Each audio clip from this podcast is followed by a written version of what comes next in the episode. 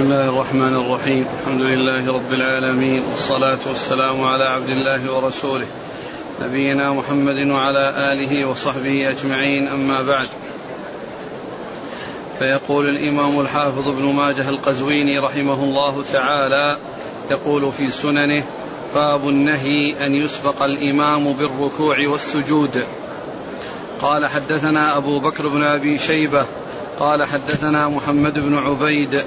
عن الأعمش عن أبي صالح عن أبي هريرة رضي الله عنه أنه قال كان النبي صلى الله عليه وسلم يعلمنا ألا نبادر الإمام بالركوع والسجود وإذا كبر فكبروا وإذا سجد فاسجدوا بسم الله الرحمن الرحيم الحمد لله رب العالمين وصلى الله وسلم وبارك على عبده ورسوله نبينا محمد وعلى آله وأصحابه أجمعين. أما بعد فيقول الإمام ابن ماجه رحمه الله باب النهي أن يسبق الإمام في الركوع والسجود. آه معنى ذلك أن الإمام يتابع ولا يسبق ولا يتأخر عنه ولا يوافق لأن أحوال المصلي أحوال المأموم مع الإمام أربع حالات إما أن يسابقه أو يوافقه أو يتابعه أو يتخلف عنه. هذه أحوال أربع وهي على, وهي على حسب الفعل على هذا الترتيب. مسابقة ثم يليها موافقة ثم يليها متابعة ثم يليها تخلف. فالمسابقة لا تجوز. والتخلف عنه كثيرا لا يجوز. والموافقة كذلك لا تجوز. والمتابعة هي المتعينة. والمتابعة هي المتعينة. والمتابعة هي هي أن يأتي بالإنسان أن يأتي الإنسان بالركوع بعد أن يركع إمامه. كما جاء في الحديث إذا, إذا, كبر فكبروا وإذا ركع فاركعوا وإذا قال سمع الله لمن حمده ربنا ولك الحمد وإذا سجد فاسجدوا. يعني أن أفعاله يأتي بها بعد إمامه بدون تأخير. ولهذا قال إذا كبر فكبروا. يعني الفاء للتعقيب بأن يأتي به عقبه. فلا يوافقه ولا يتخلف عنه. ولا يسابقه. فإذا أحوال المصلي هي هذه الأربعة. فالمسابقة لا تجوز. ولو فعل الإنسان المسابقة ولم واستمر عليها أو أنه لم يأتي لم يرجع حتى يأتي بشيء بعد إمامه فإن صلاته غير صحيحة.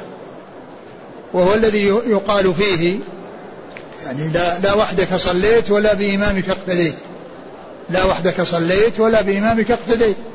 لأنه لا لم يصلي وحده ولم يكن مقتديا بإمامه لأنه يسابق إمامه. ثم إن المسابقة هي من الشيطان ومن تلاعب الشيطان بالإنسان. ولا يحصل الإنسان منها فائدة إلا الإضرار بصلاته. لأنه لن يسلم قبل الإمام ولن يخرج من الصلاة قبل سلام الإمام. فإذا إيش فائدة الاستعجال؟ أي فائدة للاستعجال؟ ما دام أنه سيستمر مع الإمام حتى يسلم. وإذا سلم الإمام أمكنه أن يذهب.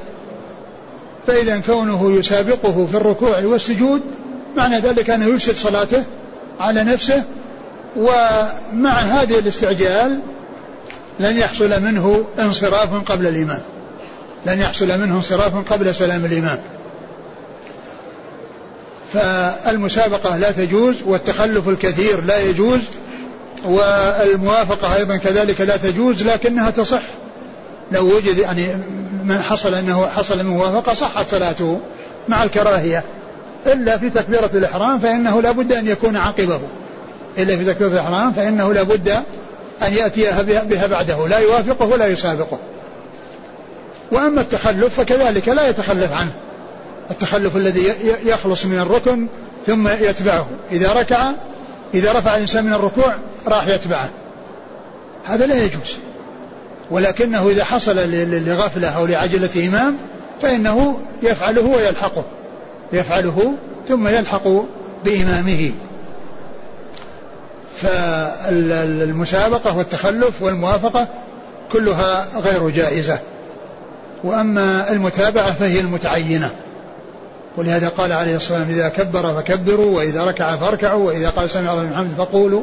وكلها يأتي بالفاء التي هي للتعقيب. يعني يأتي بها عقبه وبعده مباشرة وبدون تخلف. ثم أورد هذا الحديث قال إيش؟ قال, إن إن قال عن أبي هريرة قال كان النبي صلى الله عليه وسلم يعلمنا أن لا نبادر الإمام بالركوع والسجود. كان النبي صلى الله عليه وسلم يعلمنا أن لا نبادر الإمام بالركوع والسجود يعني أن نسابقه. أن نأتي قبله أو أن نأتي معه كل ذلك منهي عنه. كل ذلك لا يسوغ لكن الأولى لا تصح مع الصلاة والثانية تصح معها. إلا في تكبيرة الإحرام فإنه لا بد أن يأتي بها بعد إمامه. لا يأتي بها مع إمامه. آه، كان يعلمنا أن لا نبادر الإمام أي لا, لا نسبقه بأن نأتي قبله. مش بعده؟ وإذا كبر فكبروا وإذا سجد فاسجدوا. ثم بين بعد أن بين أنه كان ينهاهم عن أن يبادروا الإمام بالركوع والسجود وأرشدهم إلى أن يأتوا به بعده. قال وإذا كبر فإذا ركع فاركعوا وإذا سجد فاسجدوا. إذا ركع فاركعوا يعني من غير تأخير وإذا سجد فاسجدوا. فلا مبادرة ولا موافقة فلا مبادرة لا سواء كانت موافقة أو مسابقة ولا تخلف عنه طويل بحيث آه، يخلص من الركن وهو لم يلحق به فإن هذا لا يسوغ. ولكنه يأتي به بعده مباشرة وبدون تخلف وهذا هو المشروع. نعم. قال حدثنا أبو بكر بن أبي شيبة ثقة أخرج أصحاب الكتب إلا الترمذي. بن محمد بن عبيد هو الطنافسي وهو ثقة أخرج أصحاب الكتب. عن الأعمش هو سليمان بن مهران ثقة أخرج أصحاب الكتب. عن أبي صالح. أبو صالح ذكوان السمان ثقة أخرج أصحاب الكتب. عن أبي هريرة. أبو هريرة عبد الرحمن بن صخر الدوسي رضي الله عنه أكثر الصحابة حديثا. قال حدثنا حميد بن مسعدة وسويد بن سعيد. قال حدثنا حماد بن زيد. قال حدثنا محمد بن زياد عن أبي هريرة رضي الله عنه أنه قال قال رسول الله صلى الله عليه وسلم ألا يخشى الذي يرفع رأسه قبل الإمام أن يحول الله رأسه رأس حمار؟ ثم أورد هذا الحديث عن أبي هريرة رضي الله عنه ان النبي عليه الصلاة والسلام قال أما يخشى الذي يعني يرفع رأسه قبل الإمام أن يحول الله رأسه رأس حمار؟ هذا فيه تهديد وتخويف وتحذير من المسابقة للإمام وذلك بأي آه، فعل من الأفعال. وهنا قال يرفع رأسه قبل الإمام يعني من الركوع أو السجود. لأن الرفع يكون من الركوع الركوع والسجود فالحديث الذي مر أن أن أن يعني لا يسجد يعني لا يؤتى بالركوع والسجود قبل الإمام يعني لا يؤتى بالركوع والسجود وكذلك في القيام. لأن ذكر الركوع والسجود لا ليس معناه مقصورا عليه الحكم بل المتابعة موجود مطلوبة. إذا كبر فكبروا وإذا ركع فاركعوا وإذا قال سمع الله من حمده فقل ربنا لك الحمد. وجاء في الحديث إنني, إنني, إنني, إني إمامكم فلا تسبقوني بالركوع ولا بالسجود ولا بالانصراف. الانصراف الذي هو السلام. يعني فإذا المتابعة موجودة في جميع الأحوال. مطلوب منها تكون موجودة سواء في الرفع أو الخفض. سواء عند الركوع عند الرفع منه عند السجود عند الرفع من السجود عند السلام. كل ذلك يجب أن يكون بعد الإمام. أما يخشى الذي يرفع رأسه قبل الإمام أن يحول الله رأسه رأس حمار. أن يحول الله رأسه رأس حمار. فهذا فيه تحذير وتخويف من الوقوع في هذه في هذا الأمر المحرم الذي قد يؤدي إلى هذه العقوبة. قد يؤدي إلى هذه العقوبة. ولا يلزم أن تكون هذه العقوبة تحصل لكل أحد ولا يمنع أن تكون تحصل لأي أحد فإنها قد تحصل. والله على كل شيء قدير. وبعض أهل العلم يقول إن هذا كناية إلى أن يصير فيه بلادة يعني مثل حمار مثل بلادة الحمار.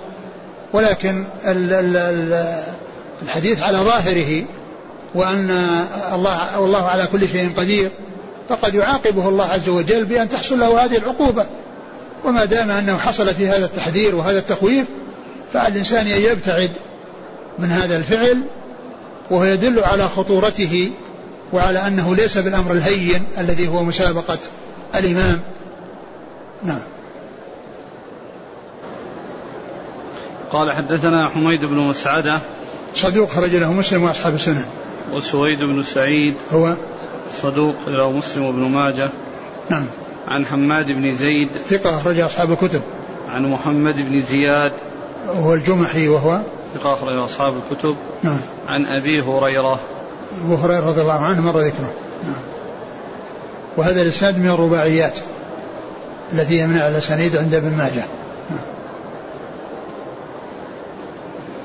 قال حدثنا محمد بن عبد الله بن نمير قال حدثنا أبو بدر شجاع بن الوليد عن زياد بن خيثمة عن أبي إسحاق عن دارم عن سعيد بن أبي بردة عن أبي بردة عن أبي موسى رضي الله عنه أنه قال قال رسول الله صلى الله عليه وعلى آله وسلم إني قد بدنت فإذا ركعت فاركعوا وإذا رفعت فارفعوا وإذا سجدت فاسجدوا ولا ألفين رجلا يسبقني إلى الركوع ولا إلى السجود. ثم ذكر هذا الحديث عن أبي موسى الأشعري رضي الله عنه أن النبي صلى الله عليه وسلم قال إني قد بدنت فلا تسبقوني. فإذا ركعت فاركعوا. فإذا ركعت فاركعوا. وإذا رفعت وإذا رفعت فارفعوا. وإذا, وإذا سجدت فاسجدوا. ولا ألفين رجلا يسبقني إلى الركوع ولا إلى السجود. وهذا بعد أن ذكر أن ذكر المتابعة ذكر المسابقة. بعد أن أرشد إلى المتابعة التي هي الواجبة المتعينة يعني نهى عن المسابقة التي لا تجوز. قال إني قد بدنت. قيل معنى بدنت أنه قد كبر. كبر عليه الصلاة والسلام وحصل له الضعف بسبب الكبر. وقيل المقصود به أنه آه، يعني كثر لحمه لكن ليس الكثرة التي هي سمن وإنما هو يعني عظم في الخلق وشدة في الخلق وليس يعني آه، سمنا يعني فاحشا ف أو سمنا شديدا. فكان عليه, عليه الصلاة والسلام كثر لحمه كما جاء في في, في مسند أحمد وكما جاء في صحيح البخاري يعني آه بعد أن عظم لحمه. فقال إني قد بدنت قيل فسر بالكبر وحصول الضعف مع الكبر وكذلك فسر بأنه كثرة اللحم. وقد جاء ذلك في حديث عائشة يعني في صحيح البخاري وغيره وأن النبي صلى الله عليه وسلم كان يعني آه، جاء في بعض الأحاديث أنه عليه الصلاة والسلام بعد أن كثر لحمه كان يوتر بسبع وإذا كان يوتر ب 11 ركعة. هذا في مسند الإمام أحمد.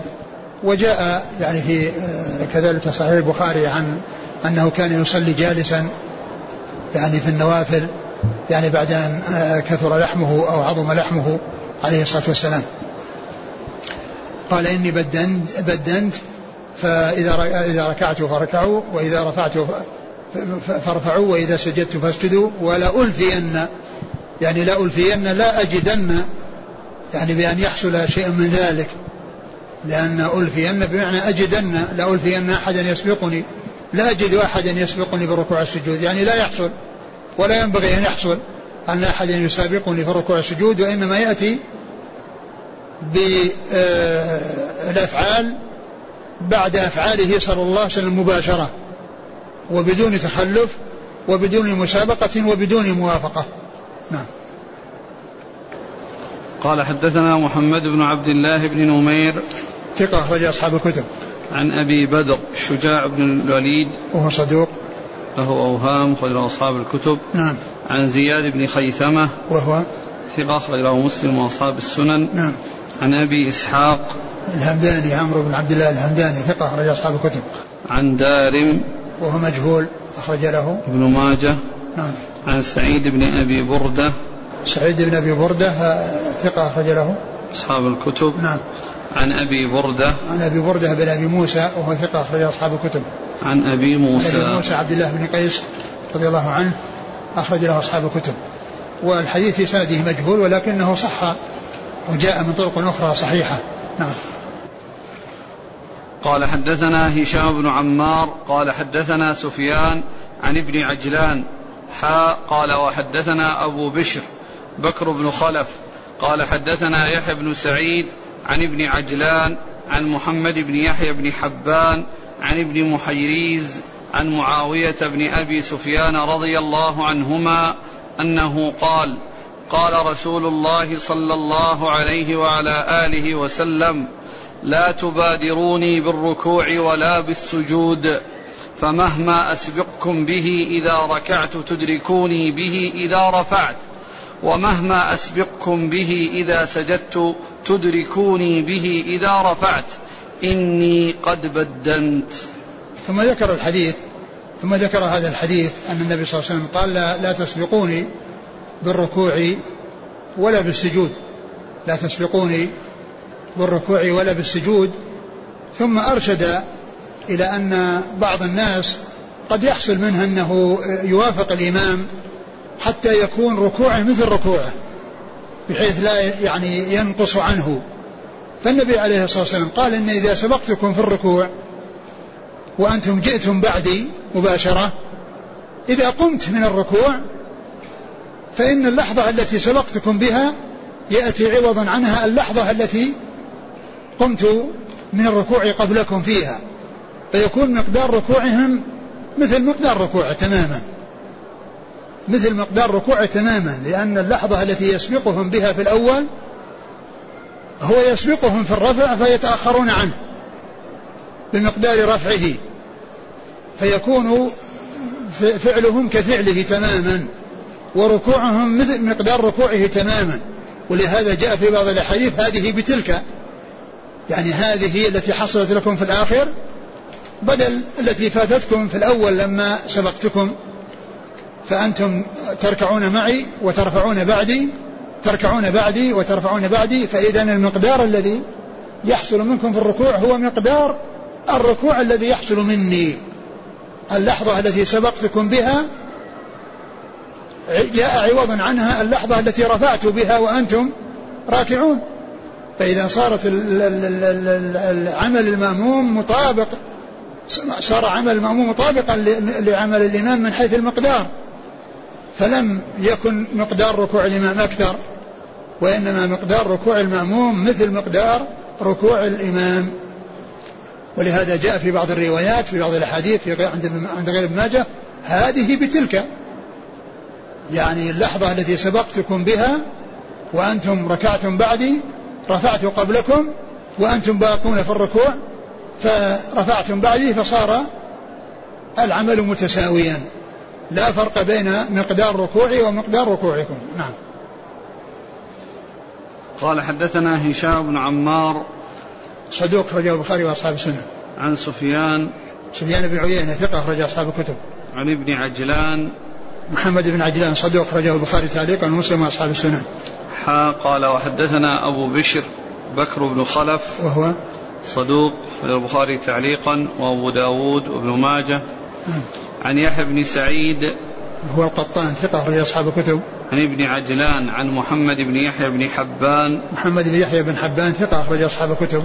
عن ابن محيريز. عبد الله بن محيريز ثقة أخرج أصحاب الكتب. عن معاوية بن أبي سفيان. عن معاوية بن أبي سفيان رضي الله عنهما أخرج له أصحاب الكتب. يقول السائل هل الانحناء استعدادا للسجود وذلك قبل أن يكبر الإمام تكبيرة الانتقال. هل يعتبر من المسابقة؟ نعم هذا من المسابقة. لأن الإنسان عليه أن يكون على هيئته ولا يحصل منه آه، تغير عن هيئته التي كان عليها إلا بعدما يحصل من الإمام الركوع أو السجود لأن حتى لو لم يسابقه لأن هذا هذا هذا يعني عنوان المسابقة أو يعني آه، مقدمة المسابقة. نعم. قال رحمه الله تعالى باب ما يكره في الصلاة. قال حدثنا عبد الرحمن بن إبراهيم الدمشقي قال حدثنا ابن أبي فديك قال حدثنا هارون بن هارون بن عبد الله بن الهديد التيمي عن الأعرج عن أبي هريرة رضي الله عنه أن رسول الله صلى الله عليه وعلى آله وسلم قال إن من الجفاء أن يكثر الرجل مسح جبهته قبل الفراغ من صلاته. ثم ذكر ما يكره في الصلاة أي الأعمال التي تكره في الصلاة. وذكر منها هذا في أولها هذا الحديث عن أبي هريرة إن من الجفاء أن يكثر ال ال الرجل الرجل من من مسح. جبهته قبل قبل الفراغ من قبل الفراغ من صلاته. يعني أنه آه، كلما سجد يمسح التراب عن عن جبهته. إذا سجد وقام من السجدة مسح. ثم سجد وجاء التراب مرة ثانية يمسح. وكلما وصل وجهه للتراب جاءه تراب راح يمسحه. فالإنسان لا يفعل لأن المسح ما في فائدة. لا فائدة من وراء هذا المسح. لا فائدة من وراء هذا المسح لأن هذا الذي يمسحه سيأتي التراب بعده إذا سجد مرة ثانية فيذهب يعني معناه أنه يصير عمل لا فائدة من ورائه. والحديث ضعيف لأن في إسناده يعني من هو ضعيف لكن ليس للإنسان يفعل مثل هذا الفعل لأنه لا فائدة من ورائه. وهو من العمل الذي يحصل في الصلاة ولا يترتب عليه فائدة. هذا فيما يتعلق بالنسبة للوجه وأما بالنسبة للأرض فقد جاء أن أنها إذا كانت أنه يسويها مرة واحدة. يسويها مرة واحدة عندما يسجد أول مرة فإنه يسويها ولا يعود إلى تسويتها بعد ذلك. قد جاء في الحديث ما يدل على ذلك. وأما بالنسبة للوجه فلا يمسح ولا فائدة من مسحه وإنما إذا فرغ من الصلاة يمكن أن يمسح. إذا فرغ من الصلاة يمسح لأن خلاص انتهى. وأما كونه يمسح عند السجود ثم إذا قام سجد السجدة الثانية راح يمسحه وهكذا كلما سجد يمسح. هذا من العمل المتكرر في الصلاة والذي لا يترتب عليه فائدة وإنما يترتب عليه مضرة. نعم. قال حدثنا عبد الرحمن بن إبراهيم الدمشقي. هو الملقب دحيم وهو ثقة أخرج له البخاري. وأبو داود والنسائي وابن ماجه. نعم. عن ابن أبي فديك. وهو محمد بن إبراهيم. محمد بن إسماعيل. محمد بن إسماعيل وهو صدوق في أصحاب الكتب. نعم. عن هارون بن هارون بن عبد الله بن الهدير. وهو ضعيف. وله ابن ماجه. نعم.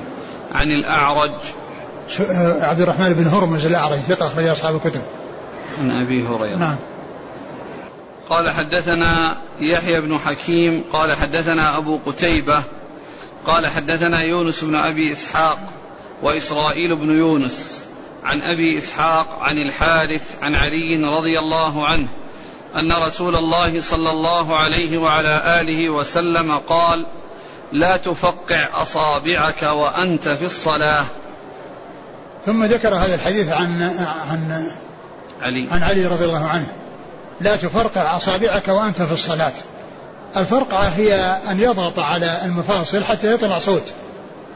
يضغط على مفاصل يديه يعني فيطلع صوت. هذا يسمى فرقعة. فرقعة الأصابع. ضغط على المفاصل فيطلع صوت بسبب الضغط. هذا يقال له فرقعة. والتشبيك هو أن يدخل يعني أصابع يعني يد بيد أصابع يد بأصابع يد. فكل ذلك لا يفعل في الصلاة. وهذا الحديث يسنده الحارث وهو ضعيف. لكن المعنى صحيح لأنه قد جاء النهي عن عن عن عن يعني عن عن التشبيك. جاء النهي عن التشبيك وهو يعني يعني قد يكون أخف من الفرقعة لأن الفرقعة يعني زيادة على العمل والعبث يعني فيه صوت يخرج فيحصل به التشويش ويحصل به معرفة أن الإنسان قد حصل منه أمر لا ينبغي. بخلاف التشبيه كان قد لا يتنبه له أحد. وكل منهما لا يسوق وكل منهما لا يسوق والإسناد في والحديث في إسناده الحارث الأعور وهو ضعيف لكن هذا من العبث في الصلاة وهو من اللعب في الصلاة فلا يجوز الإنسان أن يفعل ذلك. نعم. قال حدثنا يحيى بن حكيم هو؟ ثقة وهو أبو داود والنسائي وابن ماجه. نعم. عن أبي قتيبة وهو سلم بن قتيبة. أبو قتيبة سلم بن قتيبة وهو آه، صدوق. أخرجه البخاري أخرجه البخاري وأصحاب السنة. وأبو قتيبة آه، كنيته واسم أبيه قتيبة فهو ممن وافقت كنيته اسم أبيه. ممن وافقت كنيته اسم أبيه. ف ومعرفة يعني هذا النوع من علوم الحديث ألا يظن التصحيف بما لا ذكر باسمه وكنيته أو ذكر باسمه ونسبته فكل ذلك صحيح. وأبو قتيبة ذكر هنا بكنيته. ومعرفة الكنى هي فائدتها ألا يظن الشخص الواحد شخصين. بحيث إذا ذكر في كنيته في كنيته في موضع وفي اسمه في موضع يظن أن هذا غير هذا. ومن يعرف أن سلم بن قتيبة كنية أبو قتيبة سواء جاء في الإسناد سلم بن قتيبة أو جاء أبو قتيبة فإنه شخص واحد. نعم. عن يونس بن أبي إسحاق. وهو صدوق.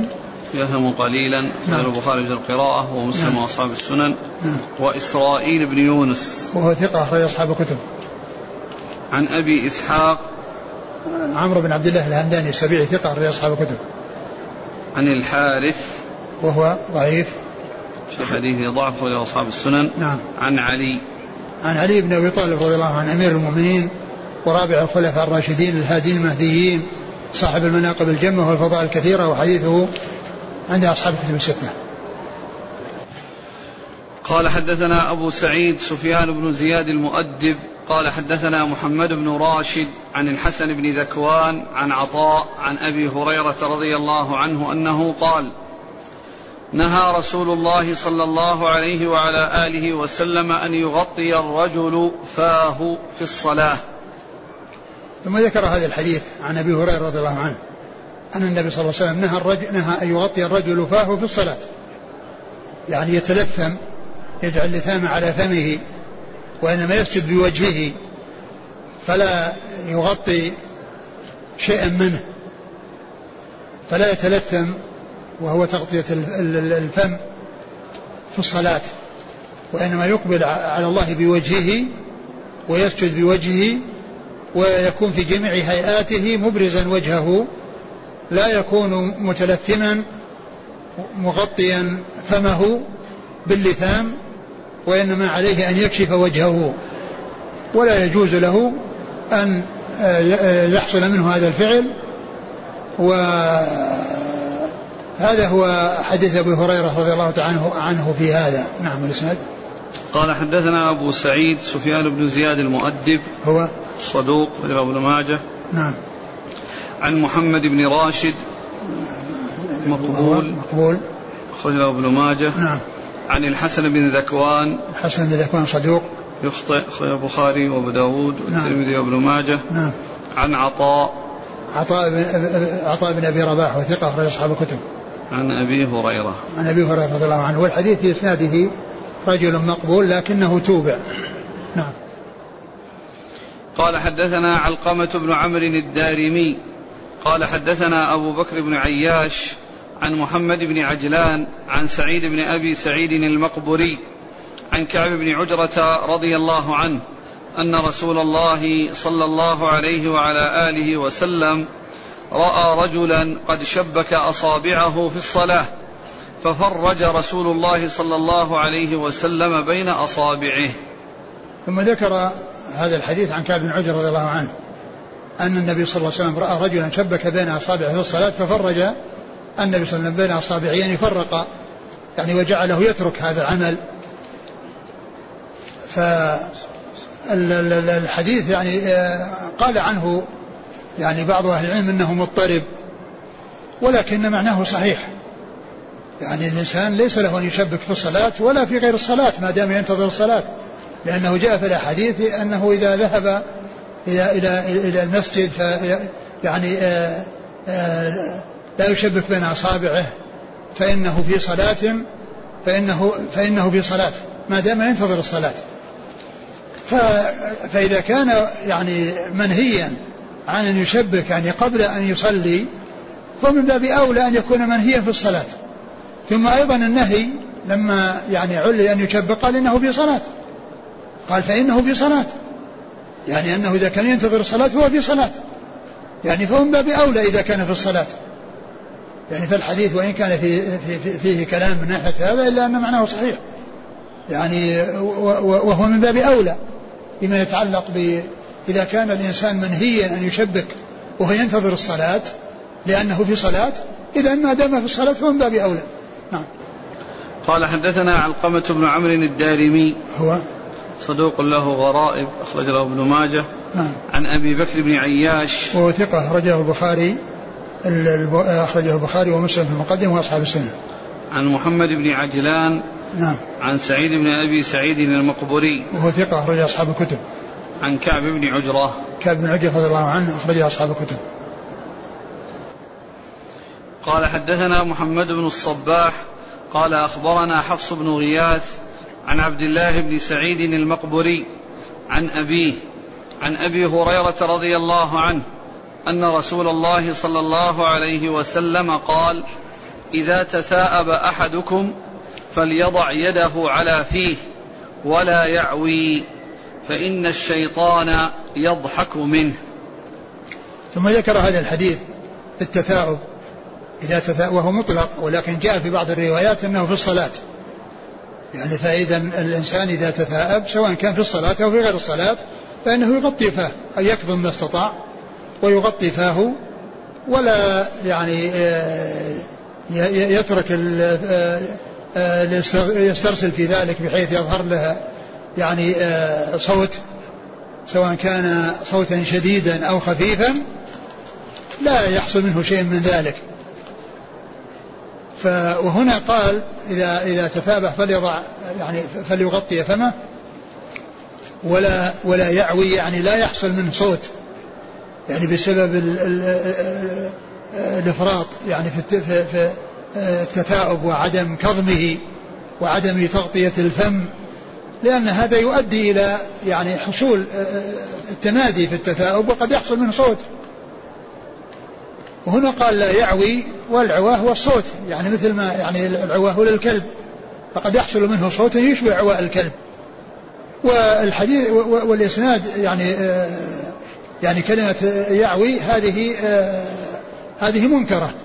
ولكنه جاء في بعض الروايات ذكر الضحك وذكر ها فإنه إذا قال ها ضحك منه الشيطان. وهذا في صحيح البخاري. فإنه إذا قال ها يعني في في في تثاؤبه وعدم يعني كظمه وعدم آه، سد فمه فإنه قد يحصل منه ها بدون أن يكون عواء أو صوتا مثل عواء الكلب. فإذا العواء هو الذي آه، ما جاء إلا في هذا الحديث.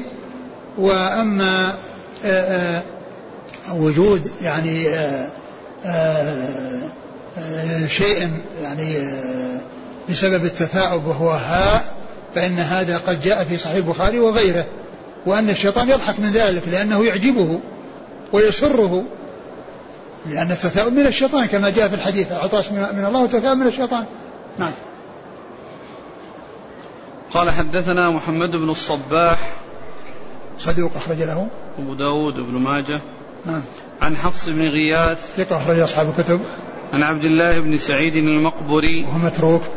رواه الترمذي وابن ماجه. نعم. عن أبيه. آه وهو ثقة أخرج أصحاب الكتب. عن أبي هريرة. نعم. يعني في إسناده هذا الرجل يعني الذي فيه العواء الذي هو متروك.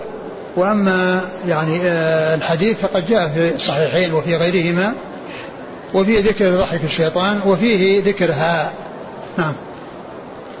قال حدثنا أبو بكر بن أبي شيبة قال حدثنا الفضل بن دكين عن شريك عن أبي اليقظان عن عدي بن ثابت عن أبيه عن جده رضي الله عنه عن النبي صلى الله عليه وسلم أنه قال البزاق والمخاط والحيض والنعاس في الصلاة من الشيطان. ثم ذكر هذا الحديث هو حديث ضعيف البزاق والمخاط والحيض والحيض والنعاس. يعني هذا من الأشياء التي تعجب الشيطان والتي يريدها الشيطان وذلك أن النعاس يعني في الصلاة فيه غفلة عنها غفلة عنها والحيض يعني فيه يعني ترك الصلاة يعني في وقت الحيض من المرأة الحائض والبزاق ويعني والمخاط. يعني يعني أشياء فيها يعني وسخ وفيها كذا فهي يعني تعجب الشيطان. ولكن الحديث ضعيف لأن فيها أبو اليقظان وهو ضعيف فهو غير ثابت عن رسول الله عليه الصلاة والسلام. نعم. قال حدثنا أبو بكر بن أبي شيبة نعم. عن الفضل بن دكين ثقة وابو نعيم ثقة أخرج أصحاب الكتب. عن شريك شريك بن عبد الله النخعي الكوفي صدوق في البخاري تعليقا ومسلم وأصحاب السنن. عن أبي اليقظان وهو عثمان بن عمير ضعيف نعم أبو داود والترمذي وابن ماجه نعم عن علي بن ثابت وهو ثقة أخرج أصحاب الكتب نعم عن أبيه وهو مجهول الحال نعم. أبو داود والترمذي وابن ماجه نعم عن جده وهو إلى أنه لأمه نعم. عبد الله بن يزيد الخطمي صحابي نعم. صغير نعم. أخرج أصحاب الكتب نعم. هذه المنهيات أو المكروهات على أي الكراهة تنزل في هذا الباب؟ هو المتقدمين الغالب عندهم الكراهة كراهة التحريم. يعني الغالب أن الكراهة للتحريم عندهم يعني في اصطلاح المتقدمين. ومعلوم أن فيها يعني أن أن أن فيها أشياء لا تبطل الصلاة مثل يعني كون الإنسان يعني يعني مسح وجهه أو يعني وكذلك يعني إيش تغطية الفم. وتغطية الفم. التثاؤب والتثاؤب. يعني كل هذه يعني الأصل أنها أن أن أن أن, أن, أن, أن المتقدمين عندهم الكراهة محمولة على التحريم لكن فيها شيء لا يبطل الصلاة. نعم. قال رحمه الله تعالى باب من أم قوما وهم له كارهون. قال حدثنا أبو كريب قال حدثنا عبدة بن سليمان وجعفر بن عون عن الإفريقي عن عمران بن عبد عن عبد الله بن عمرو رضي الله عنهما أنه قال قال رسول الله صلى الله عليه وسلم ثلاثة لا تقبل لهم صلاة. الرجل يؤم القوم وهم له كارهون والرجل لا يأتي الصلاة إلا دبارا يعني بعدما يفوته الوقت ومن اعتبد محررا. ثم ذكر باب من أما قوما وهم له كارهون. يعني كون كون إنسان يؤم أناسا وهم كارهون له إذا كانت الكراهية في الدين ومن أجل الدين فلا يجوز له ان أن يؤمهم وإنما عليه أن يتوب إلى الله عز وجل من الشيء الذي حصل له. وإذا كانت من أجل الدنيا من أجل الدنيا ومن أجل الشحنه فإذا فكذلك لا ينبغي الإنسان أن يؤمهم ما دام أنهم يكرهونه بينهم يعني. وأما إذا كان الذي يكره قليل منهم أو بعضهم فإن ذلك لا يؤثر لأنه لا يسلم أحد من أن يوجد بينه وبين أحد من الناس شيء من من من الشحناء. لكن إذا كان من أجل الدين فلا شك أن كونه يأمهم أن أنه على خطر عظيم ومتوعد بهذا الوعيد. فأورد هذا الحديث ثلاثة لا تقبل. لهم صلاة. لا تقبل لهم صلاة. كلمة لا تقبل لهم صلاة يعني لا يلزم من عدم قبول الصلاة عدم الإجزاء. وإنما المقصود من ذلك عدم حصول الثواب. عدم حصول الثواب. فقد يأتي نفي قبول الصلاة والمراد بذلك نفي الثواب. لا نفي أصل الصلاة. فإن من أما قوما وهم له كارهون لا يقال أن صلاته غير صحيحة وهي باطلة وعليه أن يعيد. وإنما المقصود من ذلك عدم حصول الثواب. مثل الحديث الذي قال من من من أتى ساحر من أتى كاهنا لم تقبل له صلاة أربعين يوما لم تقبل له صلاة. يعني منه يحرم أجر الصلاة أربعين يوم. يعني صلى بالفعل وأدى ما عليه بالفعل ولكنه حيل بينه وبين الثواب. عقوبة له على هذا الفعل. لم تقبل له صلاة أربعين يوما يعني مع صحة الصلاة. وأنه قد قد أدى فرضه ولا يقال أنه يعيد هذه الصلوات لأنها لم تقبل منه وإنما حرم ثوابه. يعني من عمل عملا لم يثب عليه. عمل عملا من لم يحصل من ورائه فائدة التي هي الثواب. فثلاثة لا تقبل لهم صلاة. آه، من أما قوم وهم له كارهون. والثاني؟ والرجل لا يأتي الصلاة إلا دبارا والرجل يعني نعم. يعني بعدما يفوته الوقت. والرجل لا يأتي الصلاة إلا إلا دبارا يعني بعدما يفوت الوقت أو يأتي بعدما يصلي الناس. يعني معناه أنه يتكاسل عن الصلاة. إما لا يأتي إليها إلا بعد خروج وقتها أو لا يأتي إليها إلا بعد صلاة الناس. ويصلي ويصلي وحده. أو يصلي مع غيره لكن إذا إذا كان قصده التأخر. وأما إذا ما قصد التأخر ولكنه حصل له ظرف يعني آه لم يتمكن من الحضور مع أنه حريص على الحضور ولكنه فاتت الصلاة فهذا يعني ليس متوعدا بهذا الوعيد وإنما الذي يكون هذا عادته وهذه طريقته وأنه يعني يتثاقل كما هو شأن المنافقين لا يأتون الصلاة إلا وهم كسالى لا يأتون الصلاة إلا وهم كسالى.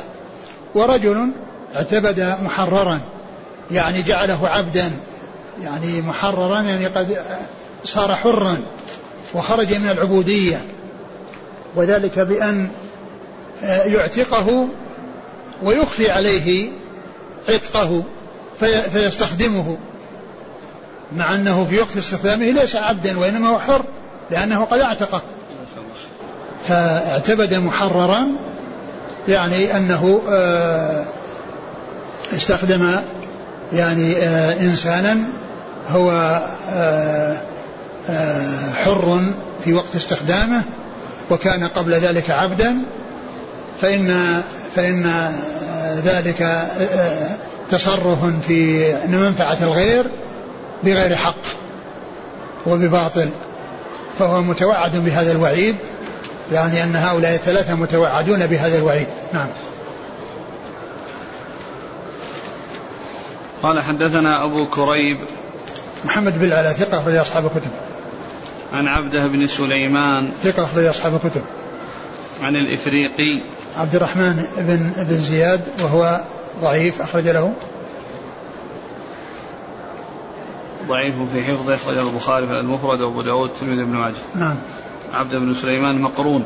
عبد بن سليمان نعم. وجعفر بن عون. نعم جعفر بن عون هو. صدوق لأصحاب الكتب. نعم. عن الإفريقي عن عمران بن عبد وهو. ضعيف. نعم. أخرجه أبو داود بن ماجه. نعم. عن عبد الله بن عمرو. عن عبد الله بن عمرو رضي الله عنهما أخرج له أخرجه أصحاب الكتب وهو أحد وهو أحد العباد الأربعة من أصحاب الرسول صلى الله عليه وسلم. وال آه، والحديث يعني فيه آه، فيه ضعف لكنه جاء من طرق أخرى يعني صحيحة بالنسبة للعبد بالنسبة لل من أما قوما وكذلك الذي لا يأتي الصلاة إلا دبارا. وأما المحرر أو استعبد محررا قد جاء في هذا الحديث ولكن لا شك أن هذا آه، عمل محرم واستخدام الإنسان بغير حق واستغلال منافعه يعني وهو مبطل فلا شك أنه معرض للعقوبة. نعم. هنا الكراهة وهم له كارهون فهنا مثلا يقول نحن إذا رجعنا إلى البلد تقدمنا بالناس يكرهوننا لأننا لأنهم يسموننا وهابية. فهل نتقدم بأن نكون أئمة أو نترك لهذا الحديث؟ لا هذا هم هم هم الملومون لستم الملومين هم الملومون ولستم الملومين لأنهم مبطلون وأنتم محقون. فإذا كان يكرهونكم من أجل أنكم على الحق وأنكم على السنة هم المبطلون وأنتم المحقون فلا يضركم الكراهية. وإنما هم الذين تضرهم الكراهية. قال حدثنا محمد بن عمر بن هياج. قال حدثنا يحيى بن عبد الرحمن الأرحبي. قال حدثنا عبيدة بن الأسود عن القاسم بن الوليد عن المنهال بن عمرو. عن سعيد بن جبير عن ابن عباس رضي الله عنهما عن رسول الله صلى الله عليه وسلم أنه قال ثلاثة لا ترتفع صلاتهم فوق رؤوسهم شبرا. رجل اما قوما وهم له كارهون. وامرأة باتت وزوجها عليها ساخط وأخوان متصارمان. ثم ذكر هذا الحديث ثلاثة لا ترتفع صلاتهم فوق رؤوسهم كبر يعني معناه ذلك أنهم آه، مفرطون. يعني في, آه، في في هذه الأعمال التي حصلت منهم. ولا يعني ذلك أنهم لا تصح صلاتهم وأن صلاتهم باطلة وإنما يدل على يعني آه، شدة شدة سوء عملهم وسوء صنيعهم الذي فعلوه.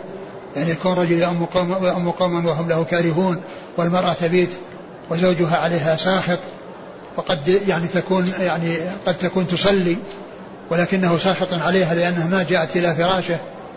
وأخوان متصارمان يعني سواء أخوة من النسب أو أخوة في الدين يعني متصارمان متقاطعان يعني متشاحنان يعني بعضهم يبتعد عن بعض يعني يتدابران ولا يحب بعضهم أن يلقى بعض لما فيهم من لما بينهم من عداوة وشحناء. فهؤلاء معرضون لهذا الوعيد. وبالنسبة لمن أما قوما وهم له كارهون وكذلك المرأة التي آه، زوجها عليها ساخط جاء في أحاديث. وذكر الأخوين المتصارمين جاء في هذا الإسناد. وفي إسناده رجل مدلس ولم يصرح بالسماع. يعني في جميع الطرق التي جاءت عنه. يعني ففيه ضعف. وأما بالنسبة الأول والثاني فقد جاء في الأحاديث الأخرى يعني ما يدل على يعني على عظيم جرمهما وعلى خطرهما يعني خطر فعلهما وهو المرأة التي باتت وزوجها ساخط والرجل الذي أما قوما وهم له كارهون. والحديث الأول الذي مضى يعني شاهد لهذا الحديث بالنسبة لمن أما قوم وهم له كارهون ومن أجل, من أجل ذلك أورد الترمذي أورد الماجه الحديثين في هذا الباب لأنها فيها التنصيص على من أما قوم وهم له كارهون. نعم. قال حدثنا محمد بن عمر بن هياج. هو؟ صدوق وله الترمذي والنسائي وابن ماجه. نعم. عن يحيى بن عبد الرحمن الأرحبي. وهو؟ صدوق ربما أخطأ وله الترمذي والنسائي وابن ماجه. نعم. عن عبيدة بن الأسود وهو صدوق الترمذي وابن ماجه. نعم صدوق المدلس نعم. نعم. عن القاسم بن الوليد وهو صدوق يغرب أخرجه ابن ماجه. نعم. عن المنهال بن عمرو. وهو ثقة. صدوق ربما صدوق أخرجه البخاري وأصحاب السنن. عن سعيد بن جبير. ثقة أخرج أصحاب الكتب. عن ابن عباس. نعم. وكلمة أخوان متصارمان هي بمثابة واحد. لا يقال أنهم أربعة. لأن لأن الاثنين يعني بمثابة شخص واحد وهو من جنس ما جاء في حديث السبعة الذين ظلهم الله في ظله وفيهم رجلان تحابا في الله اجتمع على ذلك وتفرق عليه فإنه واحد من سبعة. لأن اعتبر واحدا. نعم. قال رحمه الله تعالى باب الاثنان جماعة.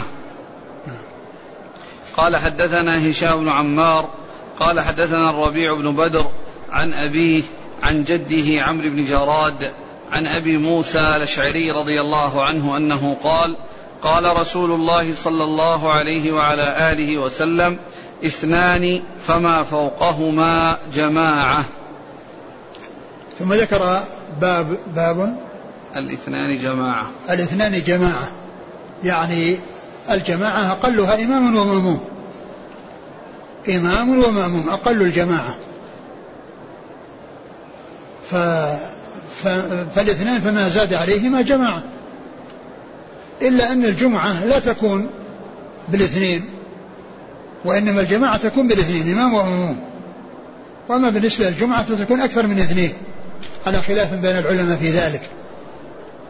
وأما الجماعة فإن أقلها اثنان إمام ومأموم. و وقد أورد آه، ابن ماجه هذا الحديث قال قال عن قال صلى الله عليه وسلم اثنان فما فوقهما جماعة. اثنان فما فوقهما جماعة. اثنان فما فوقهما جماعة. يعني والحديث فيه, فيه ضعف.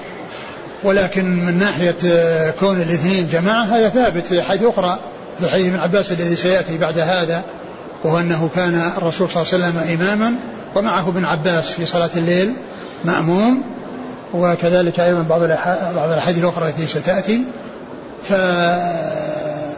فحصول الجماعة بالاثنين ثابت. والجمع أقل الجمع اثنان. يعني في في عند في أقل الجمع أو الجماعة اثنان عند الفقهاء وكذلك عند الفرضيين. فإن الجمع يحصل باثنين. كما قال الله عز وجل فإن كان له أخوة فلأمه السدس والأم تحجب باثنين من الثلث إلى السدس اثنين فأكثر. فأقل الجمع يعني عند الفرضيين اثنان وكذلك قال الجمع عند الفقهاء اثنان يعني في الصلاة إمام ومأموم. نعم. قال حدثنا هشام بن عمار عن الربيع بن بدر الربيع بن بدر آه ضعيف. متروك. متروك نعم. أخرج له الترمذي وابن ماجه. نعم. عن أبيه وأبوه؟ مجهول أخرج له ابن ماجه. نعم. عن جده عمرو بن جراد مجهول أخرج له ابن أخرج له ابن ماجه. نعم. عن أبي موسى الأشعري. رضي الله عنه عبد الله بن قيس أخرجه أصحاب الكتب. قال حدثنا محمد بن عبد الملك بن أبي الشوارب. قال حدثنا عبد الواحد بن زياد. قال حدثنا عاصم. عن الشعبي عن ابن عباس رضي الله عنهما أنه قال بت عند خالتي ميمونة رضي الله عنها فقام النبي صلى الله عليه وسلم يصلي من الليل فقمت عن يساره فأخذ بيدي فأقامني عن يمينه. وهذا فيه محل الشاهد إن الجماعة تحصل باثنين لأن النبي صلى الله عليه وسلم قام من نومه وتوضأ ودخل يصلي. دخل في الصلاة وما كان يريد الإمامة. ثم إن ابن عباس قام واستيقظ وقام وتوضأ وجاء وصلى وصف عن عن يسار الرسول صلى الله عليه وسلم فأداره من ورائه حتى جعله عن يمينه. فدل هذا على على يعني آه، أن الجماعة أقلها اثنان وأنها تصح من اثنين سواء في الفرض أو النفل وأن موقف المأموم الواحد عن يمين الإمام لا عن يساره. وأنه لو وقع عن يساره أداره عن يمينه أداره إلى يمينه من ورائه. وأن مثل هذا العمل لا يؤثر في الصلاة الذي هو الإدارة كونه يديره. وأن يعني الذي حصل في الأول لا يعتبر لاغيا لأنه باق على صلاته. لأنه دخل في الصلاة وهو على يساره ودخوله صحيح. ما أمره بأن يعيد أو أن يستأنف وإنما بين له مكانه وأنه يكون عن يمينه. فدل ذلك على أن صحة يعني أن أن أنه أن وقوفه بين عن يسار الإمام أنه, أنه صحيح وأنه ليس بباطل لأنه اعتبر ذلك الذي قد حصل منه وأداره من ورائه. نعم. قال حدثنا محمد بن عبد الملك بن أبي الشوارب هو صدوق. رواه مسلم والترمذي والنسائي وابن ماجه. نعم. عن عبد الواحد بن زياد. هو؟ ثقة أخرج أصحاب الكتب. نعم. عن عاصم. عن عاصم الأحول وهو ثقة أخرج أصحاب الكتب. عن الشعبي. عامر بن شراحيل ثقة أخرج أصحاب الكتب. عن ابن عباس. نعم. قال حدثنا بكر بن خلف أبو بشر. قال حدثنا أبو بكر الحنفي. قال حدثنا الضحاك بن عثمان. قال حدثنا شرحبيل قال سمعت جابر بن عبد الله رضي الله عنهما يقول كان رسول الله صلى الله عليه وسلم يصلي المغرب فجئت وقمت عن يساره فأقامني عن يمينه. وهذا الحديث أيضا يتعلق بالفرض وأن النبي صلى الله عليه وسلم كان يصلي المغرب فجاء وجاء صف عن يساره فأداره عن يمينه. والحديث فيه ذكر المغرب وقد جاء في صحيح مسلم يعني آه، عدم تحديد عدم تعيين المغرب عدم التعيين وأن صلاة مطلقة. فالحديث دال على ما دل عليه حديث ابن عباس السابق من أن الإمامة تكون من إمام ومأموم وأن الجماعة تكون من إمام ومأموم وأن من صف عن يسار الإمام فإنه يدار حتى يكون عن يمينه أي من, أي من وراء الإمام. نعم. قال حدثنا بكر بن خلف أبو بشر عن أبي بكر الحنفي. وعبد الكبير. بن عبد المجيد ثقة أخرج أصحاب الكتب. نعم.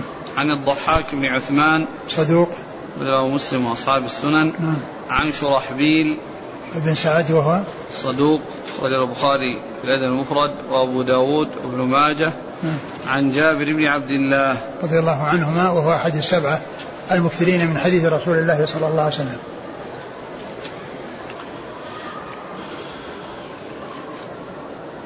قال حدثنا نصر بن علي قال حدثنا أبي قال حدثنا شعبة عن عبد الله بن المختار عن موسى بن أنس عن أنس رضي الله عنه أنه قال صلى رسول الله صلى الله عليه وسلم بامرأة من أهله وبي فأقامني عن يمينه وصلت المرأة خلفنا. ثم ذكر هذا الحديث عن أنس وأن النبي صلى الله عليه وسلم صلى بامرأة من أهله فجعلني عن يمينه وصلت المرأة خلفنا.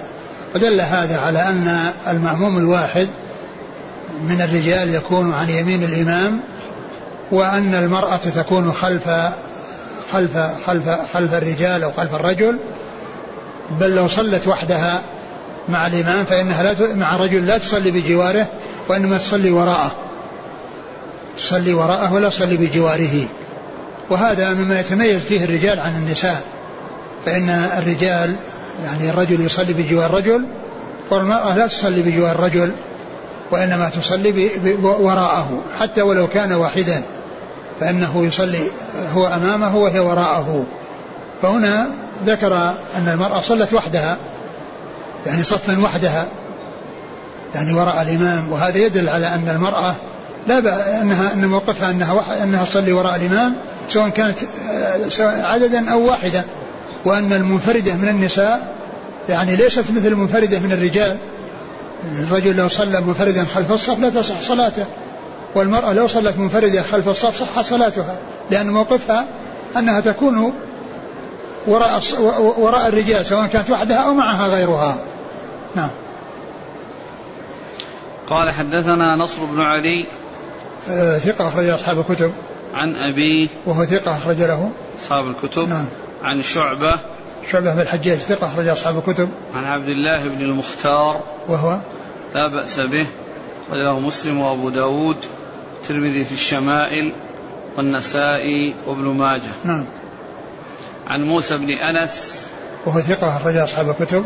عن أنس. أنس بن مالك رضي الله عنه خادم رسول الله عليه الصلاة والسلام وهو من السبعة المكثرين من حديث رسول الله عليه الصلاة والسلام. صلى بامرأة من أهله. يعني من أهل أهل أنس.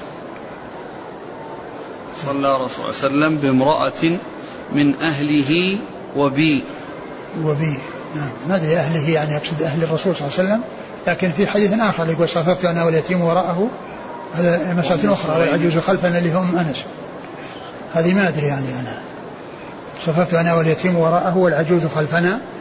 يعني هذا مسألة أخرى. نعم. والضمير هنا من أهله كأن يرجع للرسول صلى الله عليه وسلم. قال رحمه الله تعالى باب من يستحب أن يلي الإمام. والله تعالى أعلم وصلى الله وسلم وبارك على نبينا محمد وعلى آله وأصحابه أجمعين.